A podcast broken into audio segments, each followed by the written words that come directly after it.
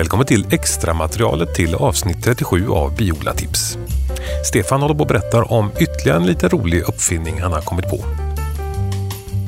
Jag hade ett tag, tänkte jag, men det, det kom så långt, att jag skulle göra en, en, eh, en bräda som såg ut som en ram och så skulle jag fräsa ut runda hål i det. Aha. Och så skulle de få bygga kakor i det. Eller bygga vax i dem och så skulle jag skära ut dem försiktigt och så att eh, och, och, så lägga dem i en plastburk eller där. Ska man kunna sälja en rund som klick där. Jaha, den var rund från början. Det var ju fint. Ja, en rund sån och så en rund plastburk. ja.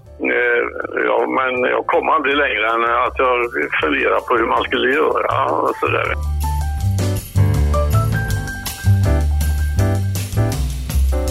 Intressant det där med eh, storleken på kloten nu när man går runt och tittar i bigården där. Jag, jag har ju sån här plastfilm på vissa av kuporna och då kan man enkelt lyfta på locket så snabbt se hur klotet ser ut.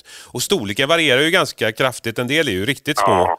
Men jag har märkt det att på våren sen så Ja, de där pyttesmå kan ändå utveckla sig bra och bättre än vissa Ja. andra till och med.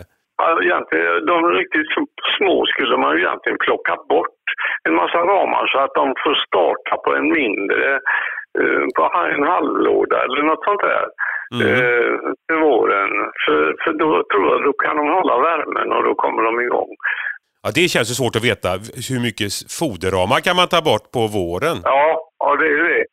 Ja, det beror på ofta man är där och springer. De som är där varje dag, de kan ju Ja, det är titta. klart. Men, eh, Ja. ja. Har du tagit bort på våren ramar och så här? "Ja, men Här behöver inte mer mat nu. jag har väl gjort men jag vet inte riktigt vad jag ska ha dem. Jag tycker det är så bränsligt med de där sockerramarna.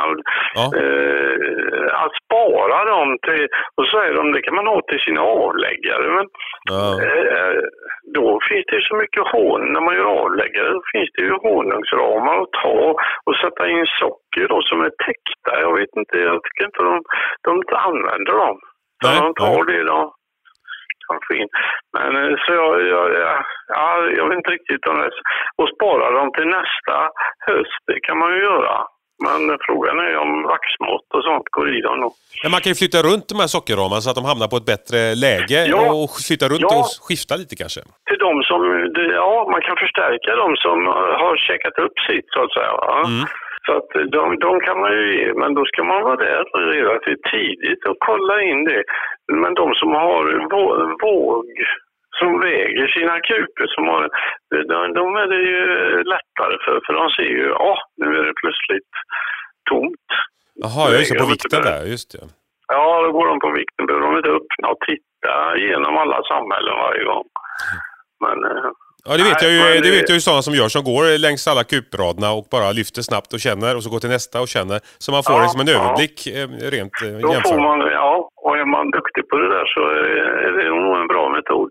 Ja, om alla kuporna är likadana också förstås. Ja, ja det får det ju vara lite grann. Men man får ändå en känsla för, även om man har olika eh, vikt på dem, så får man ändå en känsla för vilka som är mycket mat i och vilka som är, börjar bli tomma, Ja, tror jag. ja.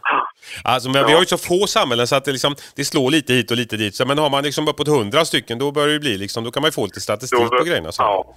Ja, ja. Men här kan man ju liksom ha otur med alla tio samtidigt. Utan att det blir någon statistik. ja, precis.